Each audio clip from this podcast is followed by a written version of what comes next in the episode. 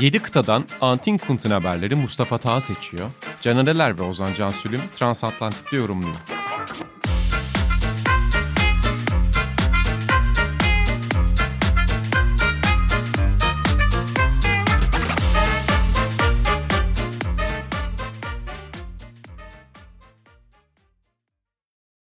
Sokrates Podcast'a hepiniz hoş geldiniz değerli dinleyenler. Transatlantik'in 3. ve yeni bölümüyle karşınızdayız. Çok büyük bir yalanın ürünü olacak bu ürün çünkü artık transatlantik değiliz.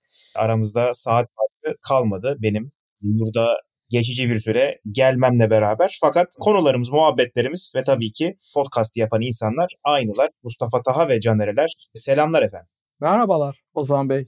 Selamlar ama yani yine aynı odada değiliz. Bunu yine başardık. Aynı odada olmamayı. Evet. Yani Bu da önemli bir timeline'ımız aynı Evet. değil.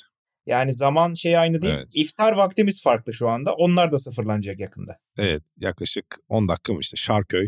10 dakika bile değildir ya 10 dakika çok fazla oldu. Değildir canım. Ye, 4 dakika Yani 3 dakika. 3-4 dakika Evet. falandır maksimum. Ama Trakya için biliyorsun zaman farklı geçer Trakya'da. Tabii doğru. zamanı- Trakya'da zaman farklı geçer. Sen de yakından Hızlı. tanıyorsun biliyorsun. Evet kesinlikle evet. Şarköy'e selamlar. Teşekkürler. Bizden de selamlar. Yine Mustafa Taha tweetleri üzerinden bir podcast programı gerçekleştireceğiz ve Mustafa Taha sıralamasını yaptı diye düşünüyorum. Çat diye yapıştırabilir mesela ilk tweet'i. Evet hemen ilk tweet'i yapıştırayım senin de söylediğin gibi Ozan. 10 gün önce The Times, daha doğrusu The Sunday Times'ta bir haber çıkmıştı. Günümüzün en popüler işlerinden biri. Ben spor demiyorum ama e-spor diyorlar insana. Yani kimse alınmasın ama bana göre spor değil gerçi. Megan Agnew isimli muhabirin bir haber paylaştığını gördük. Haberde de şunu diyor. Hani bu çok para kazanan e-spor oyunculuğu işte yılda deli gibi 7.4 milyon sterlin kadar kazandıran turnuvalarda yer alan oyuncuların aslında kötü bir hayat sürdüğünü, gece 2-3'te yatıp sabah 11'de direkt kalka kalkmaz oyun oynamaya başladığını, çok sağlıksız beslendiğini ve yıllar ilerledikçe mental açıdan büyük sıkıntılar yaşamaya başladıklarını anlatan bir yazı. Yazı hani ben sonda yorumumu yapacağım. İlk önce sizlere söz vereyim. Ozan ve Caner siz ne diyorsunuz? Ben şöyle ya ben bunu zerre garipsemiyorum.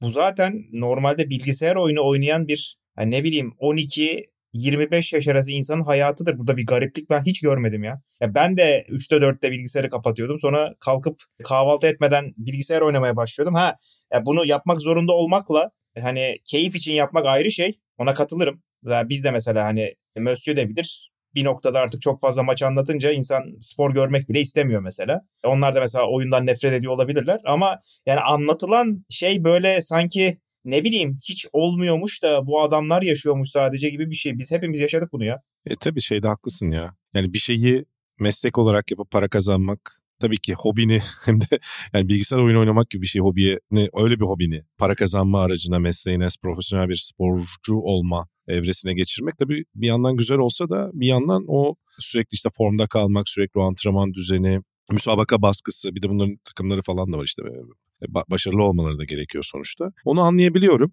Ama bir yandan da bildiğim kadarıyla yaşam tarzları da bu. Yani çok aşırı hani değişken bir dünyaları oluştuğunu görmüyorum burada okuduğum şeyde de Taha'nın attığı e, linkte de okudum. Gün tweet attığında. Ha tabii ki işte burada Matt Smith var spor psikoloğu. O hani demiş genel olarak mental sağlık kısmı problemli demiş biraz. Bir de yaş grubu olarak hani mental sağlığa ne kadar başvuruyorlar. Yani çok ergenlikle de örtüşen bir süreç olduğu için, dönem olduğu için. E bir de bildiğim kadarıyla ömürleri çok kısa diye biliyorum meslek yaşamları. Çünkü o el refleksi, göz, el motor koordinasyonu çok önemli olduğu için hani onlar refleksler sonuçta 30'lu yaşlara doğru hepimiz biliyoruz. Her her sporda öyle de burada iyice öyle. Yani spor tabii tanımı o başka bir tartışma konusu e, şeyini açtı, Taha'nın açtı. Orada hani bir zaten kısa da bir ömürlü para kazanma dönemleri de az diye biliyorum ama sonuçta isimleri yaşıyor galiba. Bunlar efsaneleşiyorlar bir de kendi aralarında. Ben bir kere çünkü LoL eventine birkaç tane LoL eventine gitmiştim. Yani gerçekten çok manyak bir ilgi görüyorlar. Yani Barcelona'daydı. Hatta bir çocuk vardı unuttum şimdi İspanyol, Katalan. Yani Messi kadar popüler oldu falan konuşuluyordu işte. Hatta Messi ile pozları falan vardı çocuğun yani. Hani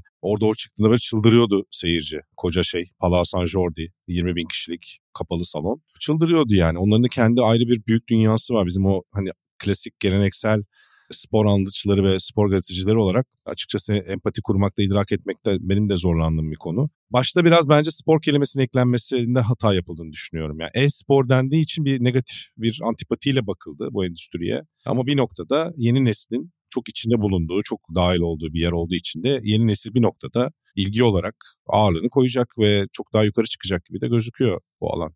Ve bunun da sorunlarının tartışılması güzel bir şey ama bir yandan da ebe kardeşim zaten olay bu değil mi diyesinde geliyor yani yataktan 11'de kalkmış. Sen sor bakayım yüzücüye kaçta kalkıyormuş sabah yataktan. Yani profesyonel bir yüzücüye sor bir yarışan. 5'te 6'da kalkar. 3 idman yapıyor günde. Sürekli o mayayı giy. Yahu sen istediğin gibi eşofmanınla otur, şortunla otur. Oyun oynuyorsun yani. O kadar da şikayet etmeye gerek yok gibi de geliyor bir yandan. Yani. Eh diyorsun yani hani. Bu kadar da değil diye. Öyle de yorumlamış olayım hacı. Galiba bence şunu eklemek gerekiyor. Hani ne bileyim 10, 15, 20 yaşında bunu yapıyorsun da 28, 30 yaşına geldiğinde hani sen de söyledin Cana hani bu iş için belli melekeler gerekiyor. Yani el koordinasyonu falan tam yaşlanınca insan bunu kaybediyor ama hani 30 yaşında kalkıp da bir zorunluluk olarak bunu yapmak da yani bir noktadan sonra herhalde insanlarda artık bıkkınlık oluşturabiliyor. Çünkü makalenin bir kısmında da ben baktığımda hani daha çok yani 20'sini geçmiş e-spor oyuncularından örnekler veriliyor. Hmm. Ama önemli bir detay bu arada bu dediğin. Yani bence oradaki bir sıkıntı oluyor. Yani 15-20 yaşında para kazanan bir insan için hani sırf hayatta yapmak istediği şey bütün gün oyun oynayarak para kazanan bir insan için bu bir sıkıntı oluşturmuyor ama artık hani 25-26 yaşına gelince hayatın farklı güzellikli olduğunu anlayıp devamlı olarak ekran başında bu işi yapmamak gerektiğini anlayan insanlar için zorunluluk olarak bunu yapmak bir noktadan sonra bence artık hani yıkıcı ve yorucu olmaya başlıyor. Ama senin de dediğin gibi hani bu bir hayat tarzı. Hani sporcular hani e-sporcu dediğimiz insanlardan daha fazla zorlanıyor. Çünkü zaten fiziksel olarak hareket etmek zorunda kalıyorlar antrenmanlarda falan. Yani baktığımızda ama herkesin ayrı bir sorunu var deyip bağlayayım ben bu konuyu. Yoksa bayağı gider bizim bu sohbetimiz. Ya bir de şeyi mesela ben hani onu söyleyeyim. Şöyle bir şey de olabilir. Mesela snooker'da bir başkalaşım geçirdi. Hani snooker'cılar da mesela ne bileyim alkol alan, çok kilolu, işte sporcu gibi gözükmeyen bilmem ne insanlar da e-spor sonuçta daha hani işin başında belki ileride sporcuların, e-sporcuların ya da bu sorunlarını da giderecek bir dönüşüm geçirecektir e-sporda baktığın zaman. Tabii ön yargılı olmak gerekiyor. Ben de aynı fikirdeyim. Yani mesela Şimdi dart dediğin spor ya barda işte insanlar oyun oynuyor denen şey aslında spor olarak izlemesi de eğlenceli. Ama gördüğünde baktığında böyle sporcu fiziğine sahip olmayan abiler, ablalar bazıları tabii ki tırnak içinde espri olarak söylüyorum. O okları atarak gerçekten çok ciddi bir koordinasyon var orada. El göz koordinasyonu var. El titrememesi lazım. Bir yandan da bir, yani eğlenceli de bir spor. E-sporu da öyle bakmak lazım ama işte e-spor kelimesi bence bir şey yaratıyor baştan. Evet evet. Ünlem. ünlem spor deyince yani. fiziksel bir aktivite bekliyorsun ha, ama aslında aynen. saf yetenekle alakalı bir şeye bak, baktığın e, zaman. E, bir de hem Sülüm hem ta yani biz de jenerasyon olarak çok birbirimize uzak değiliz yani yaşlarımız. Şeyi biliyoruz yani. Hani oyun oynamak, bilgisayar oynamak daha böyle evde bir çocuk aktivitesi gibi bir şey olduğu için biz o jenerasyondan geldiğimiz için hani bunu Doğru bir şey para kazanılan bir şeye dönüşmesi de bir tuhaf geliyor tabii bize. Önce bir şey bakıyoruz yani hani öyle hemen çok sıcak bakamıyoruz. Bu hep böyledir tarihte. Yani her zaman böyle olmuştur. Yeni bir şey, yeni bir dönüşüm, bir değişim önce insanlar yadırgar tabii ki. Evet. Bunun açılımı biz artık yaşlandık oluyor. E öyle. E öyle. Ki, e baksana olimpiyat oyunlarında breakdance alınıyor hocam. Yani işte breakdance 80'lerin benim zamanımın çocukken el hareketiyle taklit ettiğim bir dans yani. Şimdi e, olimpiyatta görmek tuhaf yani bir yandan. Evet şi şiddet, şiddetle reddediyorum. Yani breakdance olimpiyat şampiyonu deyince insanın gülesi geliyor da bunu diyeceğiz hani iki, iki yıl sonra. Neyse bu konu gittikçe uzar. Biz bir Buyurun sonraki uzar. konu bir sonraki konu başlığına geçeyim ben. Malum pazar günü Dünya Kupası başlıyor. 10 yıldır konuştuğumuz tuhaf, saçma, kışın olmasından dolayı hiç mutlu olmadım. Taha'nın ses tonu değişti ha heyecandan mutluluktan.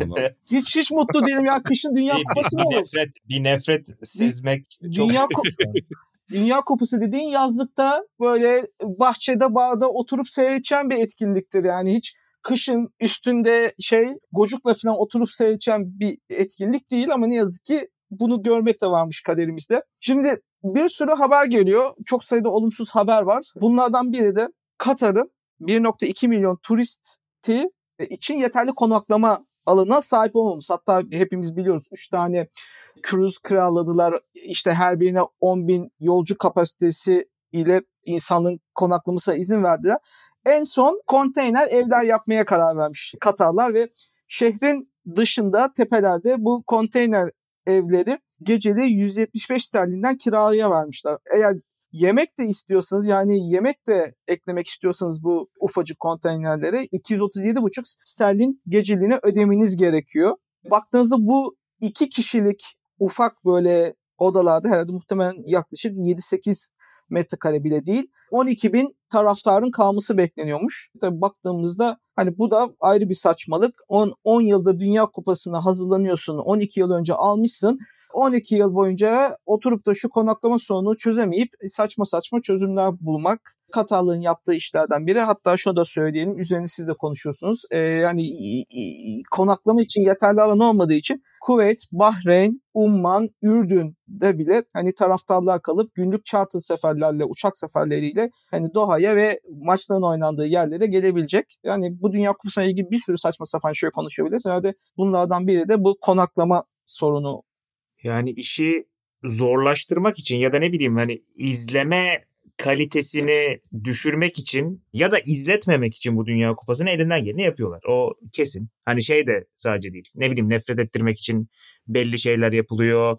İşte sinirlenelim diye belli şeyler yapılıyor. Ben hani hakikaten kendimi böyle şey hissediyorum. Hani sadece Dünya Kupası olduğu için izleyeceğim ve hani kafamdan silip atacağım anında gibi bir düşünceyle bu Dünya Kupası'na hazırlanıyorum ve yani sadece şey dediğim mesela işte oyuncular işte protesto etsin mi etmesin mi? İşte taraftarlar protesto etsin mi etmesin mi? Biz bunu nasıl izleyelim? İzleyelim mi izlemeyelim mi?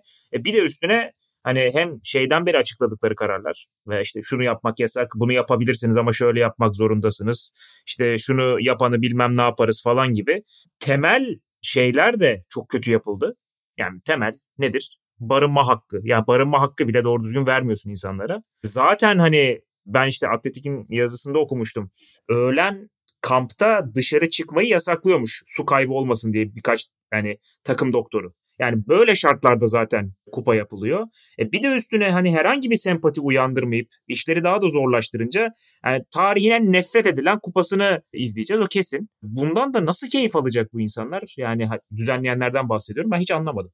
Hatta ben bir ekleme yapayım Caner'e söz vermeden önce.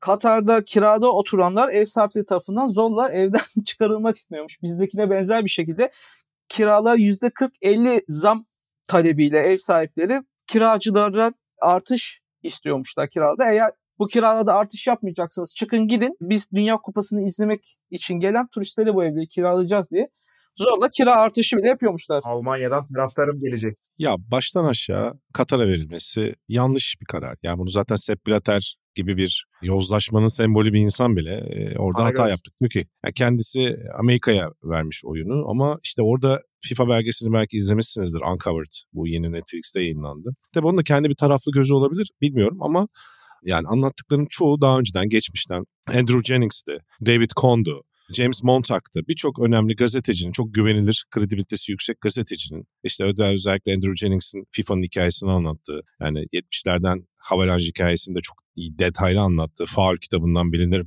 hikayesi. Yani 70'lerden itibaren Havelange, üstü Blatter zaten Blatter'ın yardımcısı. Sonrasında böyle 20-25 insanın FIFA'nın bu meşhur executive kurulunda bulunan insanın dünyayı parmağında oynattığı bir aslında yapıya dönüşüyor Dünya Kupası. Özellikle Dünya Kupası'nı belirleme safhası, hangi ülkeye nereye verileceği belirleme safhası bildiğin rüşvetin döndüğü, paranın döndüğü bir hal oluyor. Yani olimpiyat oyunları içinde bu arada benzer konuları söyleyebiliriz. IOC'nin de benzer bir yozlaşma, yozlaşmış bir yapı olduğunu söylemek lazım. E, seviyeleri tartışılır tabii ki. Ama FIFA bu konuda herhalde zirveye oynayacak bir kurum. Ve en son belgeselde de anlatıyor işte yani sadece 22-24 insana biraz para verdin mi, biraz çıkar ilişkilerini korudun mu alıyorsun kupayı. Yani ev sahipliğini.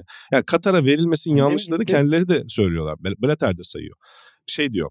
Statların hiçbiri yapılmamış yeniden yapılacak. Bu bir gereksizlik diyor yani böyle bir şey olmaması lazım diyor. O ülkede futbol kültürü olmadığını anlatır bize bu diyor. Bu da yapay bir kupa diyor. İşte ben Katar'ın veya Katar halkı üzerinden bir sorumluluk değil bu yalnız. Yani o coğrafyaya bir kupa götürmek istiyorsun. Nasıl Güney Afrika'ya ve Afrika'ya götürdün? Ama en azından Güney Afrika'nın orada bir geçmiş kültürü var nispeten. Bir futbol lig şeyi var, e, yapısı var. Afrika zaten uzun yıllardır futbol konusunda harmanlanan bir bölge. Derken hani bambaşka bir yapıdan bahsediyoruz. Ama Katar küçücük bir yarımada e, ve ikinci problem de konaklama ve yani ağırlama meselesinde ciddi problem olduğunu söylüyorlar. Buna rağmen veriyorlar çünkü üyeler orada bir çıkar ilişkisi üzerinden veriyorlar bunu. Herkes şaşırıyor. Çünkü herkes söylüyor Amerika'ya niye aday? Amerika'ya verilmesi lazımdı diye. Komple yani 2022'nin. E, barınma ve konaklama meselesi çok kritik bir konu. Zaten insan haklarıydı, diğer problemler de onlar zaten başka yani en büyük sorunlar da hani buradaki haber üzerinden gidersek de ta anlattı tweet üzerinden e, skandal yani şunun olması. olacak iş değil. Yani mesela bunun Türkiye'de veya şeyde olduğunu düşün. Yani e zaten yıllarca Türkiye şey verilmedi. E, olimpiyat oyunu. Tamam bence verilmemesi iyiydi bu arada da onu konuşuruz neden verilmemesi iyiydi. Ama yani verilmemesinin sebeplerinin Türkiye'nin hazır olmamasıyla alakalı olmadığını biliyoruz hepimiz. Yani sonuçta buradaki ilişkiler ağında, kulis ağında yeterli şeyi kuramamakla alakalı bir şey yani. Yoksa yani burada Katar'ın neden aldığını hepimiz biliyoruz. Yani çok bariz şekilde yani Katarlılar kızmasın ama parayla alındığını herkes biliyor. Sonunda da böyle e, rezaletlere yol açan bir e, organizasyon maalesef. Yani bir kere ya sporcu sağlığı, insan sağlığı açısından e, bu kadar Kuzey Yarımküre'de kışa gelecek şekilde yapmanın falan yani bunlar anlatılacak, izah edilecek şeyler değil yani. Öyle. Kimse bu Dünya Kupası'ndan memnun olmamasına rağmen kupanın düzenlenmesi de ayrı bir şey. Gerçi şöyle de bir O ayrı. Bu arada şey de yok yani hani e, mesela işte boykot edelim falan onlar da olmuyor. İşte 78'de de olmamış zaten anlatılıyor. Bence yani. Jürgen Klopp en doğrusunu söylüyor. Yani bu kupa 2010 yılında verildiğinde yapılması gereken de kimse umursamadı. Tabii sallamadı ki, tabii ve ki. şu anda Aynen. yapmaya kalkıyor. Yani 2010 yılında bu tepki olsaydı muhtemelen Aynen. daha Klopp hocam haklıdır. yani farklı şeyler olabilirdi. Derken Dünya Kupası'yla bağlantı. Orada Rusya da sorunluydu. Bakma Tabii yani Rusya da o- o- sorunluydu. sonuçta. Zaten Yani benzer sorunlar onlarda da yani bence zaten sıkıntı şu yani İngiltere'nin aday olduğu yani İngiltere'yi sevdiğimizden övdüğümüzden değil ama hani futbol deyince akla gelen ilk ülkelerden biri İngiltere'nin aday olduğu bir Dünya Kupası'nda İngiltere'ye ev sahipliği verilmemesi tuhaf bir şey. Hani bunu hepimizin kabul etmesi gerekiyor ki hepimiz kabul ediyoruz. Zaten Ha, İngiltere'nin 2018'i almaması skandal. Devasa bir skandal yani. Açıklanabilir bir şey değil mesela Rusya'nın alması. yani Katar üstüne Parayla açıklanabilir işte. Rüşvetle Yani açıklanabilir Rusya- şey. Bir şey Rusya değil. üstüne Katar. Bundan sonra da zaten bence yine kötü bir yani çok kötü değil de Kanada, Meksika, Amerika Birleşik Devletleri orası da ilginç bir Dünya Kupası olacağını düşünüyorum. Neyse o zaman konuşuruz. Daha önümüzde onun içinde 4 yıl var. Aynen. Yine Dünya Kupası'yla bağlantılı gidiyoruz. Zaten şu anda yani Dünya Kupası'na şurada 4-5 gün kalmışken Dünya Kupası ile ilgili konuşmamız da tuhaf olurdu. Her ne kadar biz sadece futbol konuşmayı istemesek de futbol dışındaki spor dallarını ve konulara da el atmak istesek de. Wayne Rooney Sunday Times'ta her hafta köşesi var. Hani ara ara röportaj vererek bu köşeyi yapıyor. Ara ara kendisi yazıyor. Geride kalan pazarda Wayne Rooney İngiltere milli takımı hakkında fikirlerini söylemiş. İran karşılaşmasında İngiltere açılış maçını İran'da oynayacak. İran takımı İran maçındaki 11'de söylemiş. Örneğin hatta hızlıca söyleyeyim 4-4-1-1 Wayne Rooney aklındaki diziliş. Orada da Jordan Pickford, Trent Alexander-Arnold, John Stones, Harry Maguire, Luke Shaw var. Orta sahayı Saka, Declan Rice, Calvin Phillips ve Phil Foden'la yapmış. Jude Bellingham'ın önünde de Harry Kane'i koymuş. Her mevki ve her oyuncu içinde nedenlerini anlatmış neden seçtiğini. Onu değinesek program bitmez. Siz şimdi Rooney'nin ilk 11'ine baktığınızda olumlu olumsuz ne görüyorsunuz? Dizilişi doğru yanlış. Zaten oradan da son günlerin en çok konuşulan e, olayını Cristiano Ronaldo'nun Piers Morgan röportajına bağlayacağım ben. Ozan ve Caner siz ne diyorsunuz Rooney'nin 11'i ve dizilişi hakkında? Sülüm. Ben hani şey diyebilirim. Benim burada en garipsediğim aslında hani kadroda da en garipsediğim şey belki yani Calvin Phillips'e bu kadar Calvin Phillips'in üstünde bu kadar durulması. Bu kadar uzun süre oynamamış ve hani şeyi de söylemek lazım. Sadece bu sezon değil. Geçen sezonun ocağından beri hani bir problem yaşayan, ameliyat olup olmayacağını düşünen, işte ameliyat olan, bir türlü geri dönemeyen bir oyuncuyu direkt olarak mesela turnuvada 11'de başlatmak bana Southgate de muhtemelen öyle düşünüyor ki kadroya aldı. Wayne Rooney mesela demek ki Calvin Phillips'in e, fiziksel durumunu gayet iyi biliyor. Ha, tamam e, Declan Rice, Calvin Phillips ikilisi son dönemde işte İngiltere'nin bu noktaya gelmesinde belki de en önemli yani iskeleti oluşturan bir ikili. Ama hani bu kadar uzun süre oynamayan bir oyuncu direkt olarak suya atmak falan çok ne bileyim garip geldi bana. Yoksa ya kadroda dizilişte vesaire de çok hani diyebileceğim bir şey yok. Zaten çok da net açıklamış hani çok yani garipseyecek falan da bir durum yok. Ama Calvin Phillips özelinde ben İngiltere kadrosunda hani çok ciddi bir soru işaretine sahibim mesela. Ben de hani zaten Ozan Sülüm güzel detaylarını söyledi kadronun veya işte yapılan. Ben Wayne Rooney'nin şeyine değinecektim daha genel. Yani biliyorsunuz futbolu bırakan ünlü sporcuların böyle yorum yazarlık kısmında ülkemizde özellikle yani kimse alınmasın genelde çok iyi iş çıkarmadığını söyleyelim. Nadir var ve onlara da hayran kalıyoruz zaten. Çok iyi iş çıkaranlar da var. Hakkını yemeyelim. Ama mesela İngiltere'de baktığında hani ben Rooney'den mesela çok beklemiyordum. Genel futbolculuğu döneminden kalan belki de bir intiba da olabilir. Mesela Lineker'den beklersin tamam mı? Hani belki benim çocukluğumda çok hayran olduğum bir insan olduğu için olabilir. Ya da işte Carragher'lı program falan da çok tatlı. Hep şeyini atıyor zaten Taha. Bir gün onları da konuşuruz. Hatta bir kere konuştuk galiba değil mi? Yanlış hatırlamıyorum. Ondan sonra yani burada yani ben hoşuma gidiyor Wayne'in yazarlığı, yorumları falan da çok iyi analizleri. Sadece bu şey özelinde değil. O açıdan da açıkçası zamanında futbolcuyken o kadar hayran olmadım ama şu anda bu yaptığı işe daha çok hayran olduğumu söylemem lazım. İyi, söyledikleri yanlıştır şeydir o ayrı mesele yani yorumuna katılırız katılmayız da çok nitelikli ve kaliteli yaptığını söylemek lazım.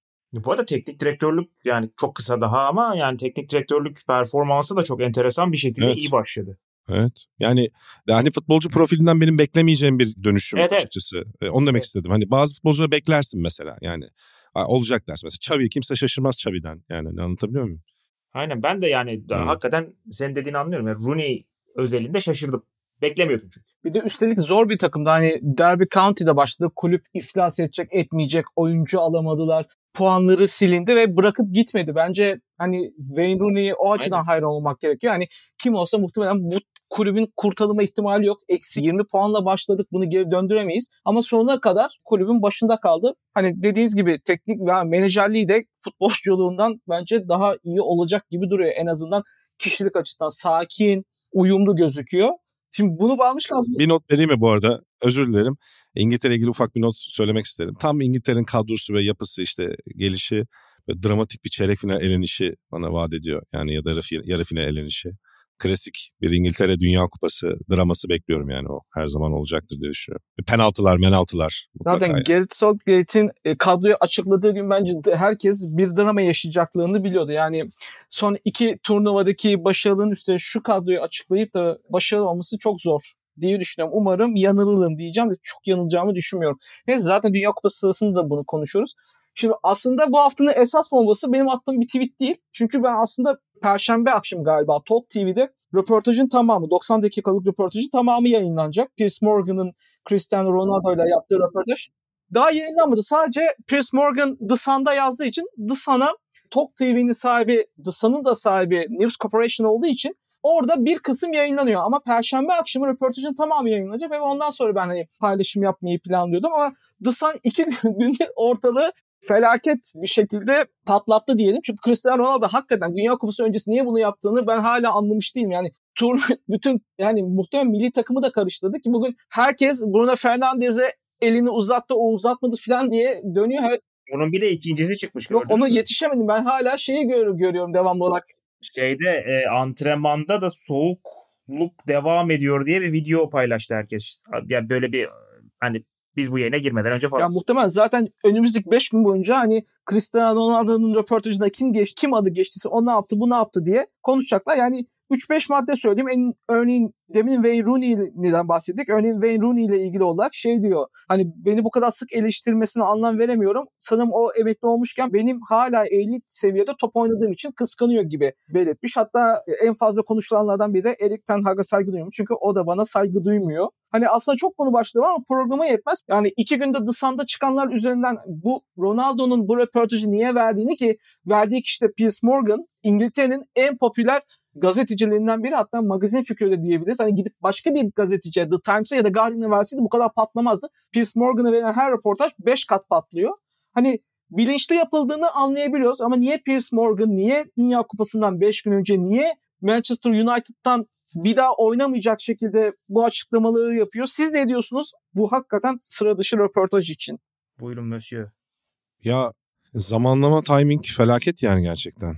Ama belli ki yani Ronaldo, Cristiano Ronaldo kendine bir egosunun, kişiliğinin, karakterinin hakarete uğradığını düşünüp bunun dürtüsüyle bir yani hem de en verilmeyecek adama yani Piers Morgan rezalet bir adam yani. Hani veriyorsan bari daha saygın bir gazeteciye versen ne güzel olur. Bana göre çok hani problemli bir gazeteci. Hep İngiltere'de çok eleştirilen, çok yerilen bir insan. Üstelik fanatik Arsenal taraftarı. Ya bunun üzerinden hani seçimleri, zamanı her şeyiyle felaket. Yani ben Ronaldo iletişim hikayesinde gördüğüm en büyük hata olabilir. Yani mesela Ronaldo kendine bir film çekti. Gayet iyi iletişim kurulan bir sinema filmi yani belgeselde. Jorge Mendes'in yönettiği. Bunu o mu yönetmiş yoksa nasıl bir danışmanla karar verip bu röportajı vermiş? Anlıyorum ben. Bağları bu şekilde koparmak istemiş. Tamam. Ama bence kendi saygınlığına kendisi zarar vererek bence nacizane biraz ilişkileri zedelemiş ki bunu da yani tam senin son bir şansın, son bir Dünya Kupası'na gidiyorsun. Kadro olağanüstü. Ne olur ne olmaz yani. Birçok sezon ortası olduğu için birçok milli takım problem yaşayabileceği bir dönemde, belki bir şans bulabileceği bir dönemde kafanın buralarda olması da bence bir bu kadar profesyonel, bu kadar büyük deneyim içinde çok büyük eksi not yani. Hani çok büyük eksi not.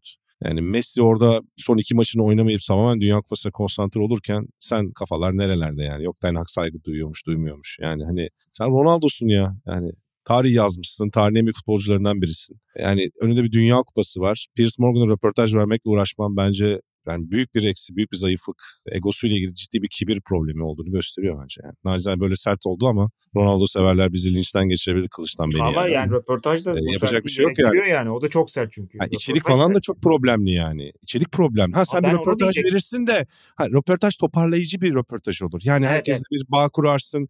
İşte mesela kendi ben bir yerde hata yaptım demeyen bir insan varsa bence büyük problem vardır orada. Yani tüm hataları başkası yapıyor. Biz kendi kültürümüzü çok biliyoruz yani. AK Parti kültürünün en önemli şeyidir. Hata yapmazlar. Her hata başkasına aittir. E babacım yani senin hiç mi hatan yok? Hiç problemin yok yani. Anlatabiliyor muyum? Ya da herkes hata yapıyor da sana zarar vermeye mi çalışıyor gibi tuhaf bir duruma dönüşüyor. Saygı duymuyorlar. Neden saygı duymasın? Adamın belki de planında sen yoksundur. Bu kadar basit yani gibi şeyler var. Neyse böyle hani açıkçası bana çok yazık. Bence Portekiz milli takımdaki diğer futbolculara ayıp yani yazık. Bence ee, de. Yani bütün şey çaldı hani yani ben şey diyecektim yani sizin söyledik yani bu kadar konuşulan şeyin üstüne çok ekleyecek bir şey mi? Bana şu çok garip geldi. Ya yani Piers Morgan her ne kadar bir nefret unsuru olsa da hani bu işi ustalıkla yapan bir adam. O ayrı. Yani, Röportaj uzmanı. Ben ona bir şey demiyorum. Ha. Ha. Ve şunu da görüyorsun mesela bir garip şey aldım ben. Hani Frost Nixon benzeri böyle bir şey içerisinde hmm, güzel örnek yapanın röportajı yapanın yani karşısındakine dikte etmesi. Mesela Gary Neville ve Wayne Rooney'e karşı söylediği olumsuz şeyleri Piers Morgan dikte ediyor. Yani senden nefret ediyor olabilir de seni kıskanıyor olabilirler mi? Kabul ediyor mesela direkt. Hani belki öyle söylemeyecek. Evet, evet. Fakat o kadar kontrolü kaybetmiş ki yani e, ne derse tamam falan diyor. Yani çok berbat bir röportaj. Yani bilmiyorum. Ya burada sen söyle Tacım Yok yani zaten 90 dakikalık bir röportajın hani bir noktasında kopması çok doğal. Yani baktığınızda 90 dakika boyunca söylediğiniz her şeyi kontrol etmek imkansız. Bir de içinde bulunduğu durumu düşünürsek geçirdiği en kötü sezon aslında baktığında takım arkadaşları onun bencillik yaptığını düşünüyor ki İngiliz basına çok sayıda bu böyle bir yazı çıkıyor. Yani Ronaldo'nun var olan konjektürde bencilce davrandığını. Hani bu ortamda gidip 90 dakikalık bir röportaj vermek zaten baştan bir hata. Hani röportajın bir noktasında kopacağı belli. O koptuktan sonra da şey gibi olmuş. Çığ gibi olmuş. Ki hani tamamında daha neler çıkacak ortaya bilmiyorum. De, e, sizin de dediğiniz gibi bence hani olan Portekiz milli takımı oldu. Yani turnuvadaki en iyi kadrolardan biri hani şu anda hiç hiç huzuru olmadan Katar'da hani maçlara çıkacak nasıl olur onu bilmiyoruz. Ha bir de Bruno Fernandes Manchester United'ın kaptanı ya. Yani senin milli takımla takım arkadaşın. Abicim yani ne bileyim bana tuhaf geliyor yani. Orada böyle bir insan ilişkileri ağı varken gidip Manchester United'ı gömmek, şey yapmak, hala sözleşmen bulunan kulübü bana çok profesyonelliğe sığmayan şeyler yani. E şey de var. Yani, tuhaf. Dalo da var mesela. Diego Dalo da var. Ha Dalo da var aynen. Yani çok ben ya, hiç, hiç, hiç mantıklı bir şey değil gerçekten. Böyle bir sönme çok görmedim ben. Gerçekten. Yazık, yazık ya, kendi şeyine yazık yani. İsmine evet. yazık yani. Evet evet. Evet hadi o biraz zaman... eğlenceli konulara geçelim ya. Evet, gömdük aynen. ettik. Benim Bugün fazla gömdük. Neredeyse her gün attığım şey nostaljik tweetlerimden Caner Bey'in beğendiğini seçtim. Ee, yani Oo. Tabii bir sürü tweet. Örneğin bugünkü atacağım bir numara tweet'i de bence 90'ların en güzel şarkılığını barındıran bir tweet olacak. Neyse ben yine dozu kaçırmayayım. 9 Kasım 1985'te yani 37 yıl önce Jan Hammer, Miami Vice'ın jenerik müziğiyle Billboard Hot 100 yani Amerika'da bir numaraya ulaşmıştı. Niye bu önemli? Bir, Miami Vice o dönemde kasıp kavuruyordu her yeri. İkincisi de Mayıs 1982'de bir numara olan Vangelis'ın Chariots of Fire'ından sonra bir numara olan yani 3 yıl, 3,5 yıl sonra bir numara olan ilk enstrümantal şarkıydı. Tabii dediğimiz gibi hani Miami Vice 1980'lerin kült figürlerinden biriydi. Özellikle Caner'in çok sevdiğini biliyorum Miami Vice'ı. Çok severim. Sen ne diyeceksin? Ben Miami Vice'dan başka şeylere de geçeceğim. O, o yüzden önce sana sözü vereyim ben. Ya hocam çocukluğumuzda en sevdiğimiz dizilerin başına geliyor. Bir kere o jeneriğinden başlayarak oradaki dediğin gibi Miami Vice Theme yani müziği. Ian e, Hammer'ın bestelediği. Üstüne oradaki görüntü sinsilesi. İşte orada pelota melota vardır böyle. Neydi? Jaalay mıydı bu? Jaalay diye bir spor var. Sonra Mad Men'de de geçer hatta. Mad Men Miami Vice bağlantısı kurulur orada. Neyse. Bir yandan da biliyorsun Michael Mann'in dizisi. Yani Michael Mann'in yapımcılığını yaptı. Dizi ki Michael Mann olağanüstü bir yönetmendir. Hani ben oradan da ayrı bir bağlantı kurarak severim ki sonradan filmini çekmişti hatırlarsınız. Yıllar sonra 2000'lerde. Colin Farrell ve e, neydi? Şey oynuyordu. E, Jamie Foxx. Mesela ben o filmin de renklerini her şeyini çok severim. Bende underrated kalmış bir filmdir. Yani değeri tam verilmemiş filmdir. Bir de o filmlerinde müzik sekansları, görüntü müzik eşleşmeleri falan çok iyidir Michael Mann'in. Hani bazı filmlerini hatırlatmak gerekirse işte şey meşhur De Niro ile Al Pacino'yu karşılıklı oynattı. Tarihte ilk defa bir sinema filminde. Biliyorsunuz Baba'da bile karşılıklı oynamamışlardır yani. E, onun dışında işte en son bu arada e, bir de Tokyo Vice diye bir dizi çekti. O da çok iyi. Hani Miami Vice'dan esinlenerek. Buradan bir Michael Mann övgüsüyle de şey yapmış olayım. E, madem Miami Vice müziğinden bahsettik. Ozan Beyciğim konuya uzak kalacak mısın? Yok konuya uzak kalmayacağım. Ben en azından şeyleri biliyorum ya. Yani şarkıları biliyorum diyeyim. Çok biraz garip olacak ama. Ya benim bu tweet'i okuduktan sonra ve konu olarak da aldığımızı gördükten sonra aklıma direkt şey geldi. Yani bir dizinin doğru düzgün bir müzikle birleştikten sonraki etkisinin ne kadar yükseldiğini mesela Hmm. son dönemde şeyden gördük. Succession'dan gördük. Yani Aa, Succession'ı açıp açıp dinleyenler oluyordur mutlaka mesela. Evet. Dolayısıyla akılda kalıcılığı bence şeyle beraber özellikle o jeneriğe uyumluluğuyla beraber yani ki mesela biz Sokrates'e de yaptık. Şeyde inanılmaz boğaç yapmıştı değil mi onu? NBA Fantasy'ye. Yani ha, aynen, aynen, aynen. Yani me- o- bence kültleşmenin en önemli e, ögelerinden bir tanesi o. Hani temayla, müzik ile uyumluluk oluyor. Benim aklıma direkt o geldi mesela. Ben hani Bölük Pörçük çok bilmiyorum tabii diziyi. Daha çok hani şarkıyı biliyorum. e, Bahsedilen şarkıları biliyorum ama filmlerde ya da dizilerde özellikle o jenerik insanın aklına kazınıyor. Doğru. Doğru. Ve işte son örneği de mesela Succession bence. Bu 80'lerde ve 90'lar başındaki şeylerde bile çok vardır ya sitcomlarda. Charles in Charge mesela hani böyle çok jenerik müzikleri akılda kalır. Şey de var mesela Full House muydu o? Full Ha, Full House, bravo. Hatta ben şey diyeyim Evet. benim galiba 80'lerde en beğendiklerimden biri de şey Mavi Ay hani Moonlighting diyoruz ya. Hmm. Ha, evet. Sybil Shepherd, Bruce Willis galiba 80'lerin en keyifli Mavi Ay. dedektiflik dizilerinden biri de hani Mavi Ay deyince direkt aklıma şey gelir. Mavi Ay'ın jenerik müziği. Bir de onunla bağlantılı olarak çok saçma sapan bir şekilde hani Star Magic Box ilk açıldığında Parlament Sinema Kulübü Aa. sunar. Aa, parlament Evet. Yani Pazar akşamı. direkt pa- yani sırf o jenerikten dolayı seyretmeyeceğim. Pazar akşamı sinemasının bir seyrettiğim çok sayıda film vardır. Bir de şununla bağlayayım ben en azından çünkü biz yine buradan yürürüz bayağı. Şey Miami Vice deyince benim aklıma hep şey geliyor. Magnum geliyor. Tom Selleck'in ünlü olduğu benzer dönemlerde çekilmiş dizilerden biri. Hani direkt Miami Vice gelince e, Magnum'lar Hawaii'de çekilmişti yanlış hatırlamıyorsam. Hani hep paralellik kuruyor Miami Vice ve Magnum diye. Şimdi konuştuk Miami Vice'dan Magnum'dan da bahsetmezsek şey olmaz. E, içim rahat etmezdi. Tom, Tom Selleck bıyıkları ve Ferrari'si. Bir de güzel araba. Bak bu dizilerin ortak özellikle çok güzel arabalar kullanırlar hocam. Bak şeyde de öyledir Miami Vice'da da hep. Bu polislerin, Miami'deki polislerin zengin memleket tabii. Ben biliyorsunuz NBA finalleri anlatmaya gittiğimde gitmiştim 2012'de. 10 gün 12 gün kaldım. Gerçekten yani oradaki polislerin iyi arabalar sahip olmasını yadırgamıyorsun hocam. Öyle bir yer. Onu da. Kaldırıyor diyorsun yani. İyi arabayı kaldırıyor memleket. Hatta iyi arabayı geç iyi tekne. Ha, o sürat teknesi Ha. kullanırlar ya hep biliyorsun işte tek şeyi falan gidilir. falan. Dexter marinası değil mi? Aynen. Aynen bravo. Dexter Galiba. Caner sen söylemiştin NBA finallerine gittiğin zaman yani Hı. normal araban yoksa Miami'de hiçbir şey yapamıyorsun. Yani illaki araban olması gerekiyor. Aynen Taksi öyle. falan da bulamıyordun diye Evet. hatırlıyorum. Aynen hocam evet. Bizim de Kaan Kural'la çok şık ayı gibi bir destroyer gibi bir şeyimiz vardı kiralık aracımız. Çok havalı geziyorduk oralarda restoranlar restorana falan. Don Johnson ve şey gibi değildik tabii karizma olarak ama Olsun yakışır. araba olarak fena değildik. Olsun yakışır. Her türlü yakışır. Şimdi Güzel tabii Galiba- neşeli bitirdik. Bak o kadar gömdük gömdük neşeli Evet bitirdik. galiba bu bölümün de sonuna geldik. Hani bayağı yine goy goyumuzu yaptık. Ben çok memnun kaldım. Bir programı geride bırakıyorum. Siz de herhalde galiba goy goyumuzdan çok memnun kalmışsınızdır diye düşünüyorum. Aynen bir biraz Taha- biraz hafif bir nefret kustuk ama neşeli bitti. yani şimdi Taha'nın yanında çok fazla nefret kusmak da yani kolay olmuyor biliyorsun dozajı ayarlamak e, sülümcüm. Yani Bir de e, şimdi Sülüm de yakında artık Amerika'da olduğu için DC'de bu arabalarıyla gezerken bize fotoğrafını atar. Şöyle bir büyük Cherokee araba 4x4'ün karşıtıyım ben. de. Ben araba karşıtıyım olmaz. ben arabaya karşıyım. O yüzden de zaten metronun dibinde oturuyorum. O yüzden Sana helal olsun. arabaya gerek yok.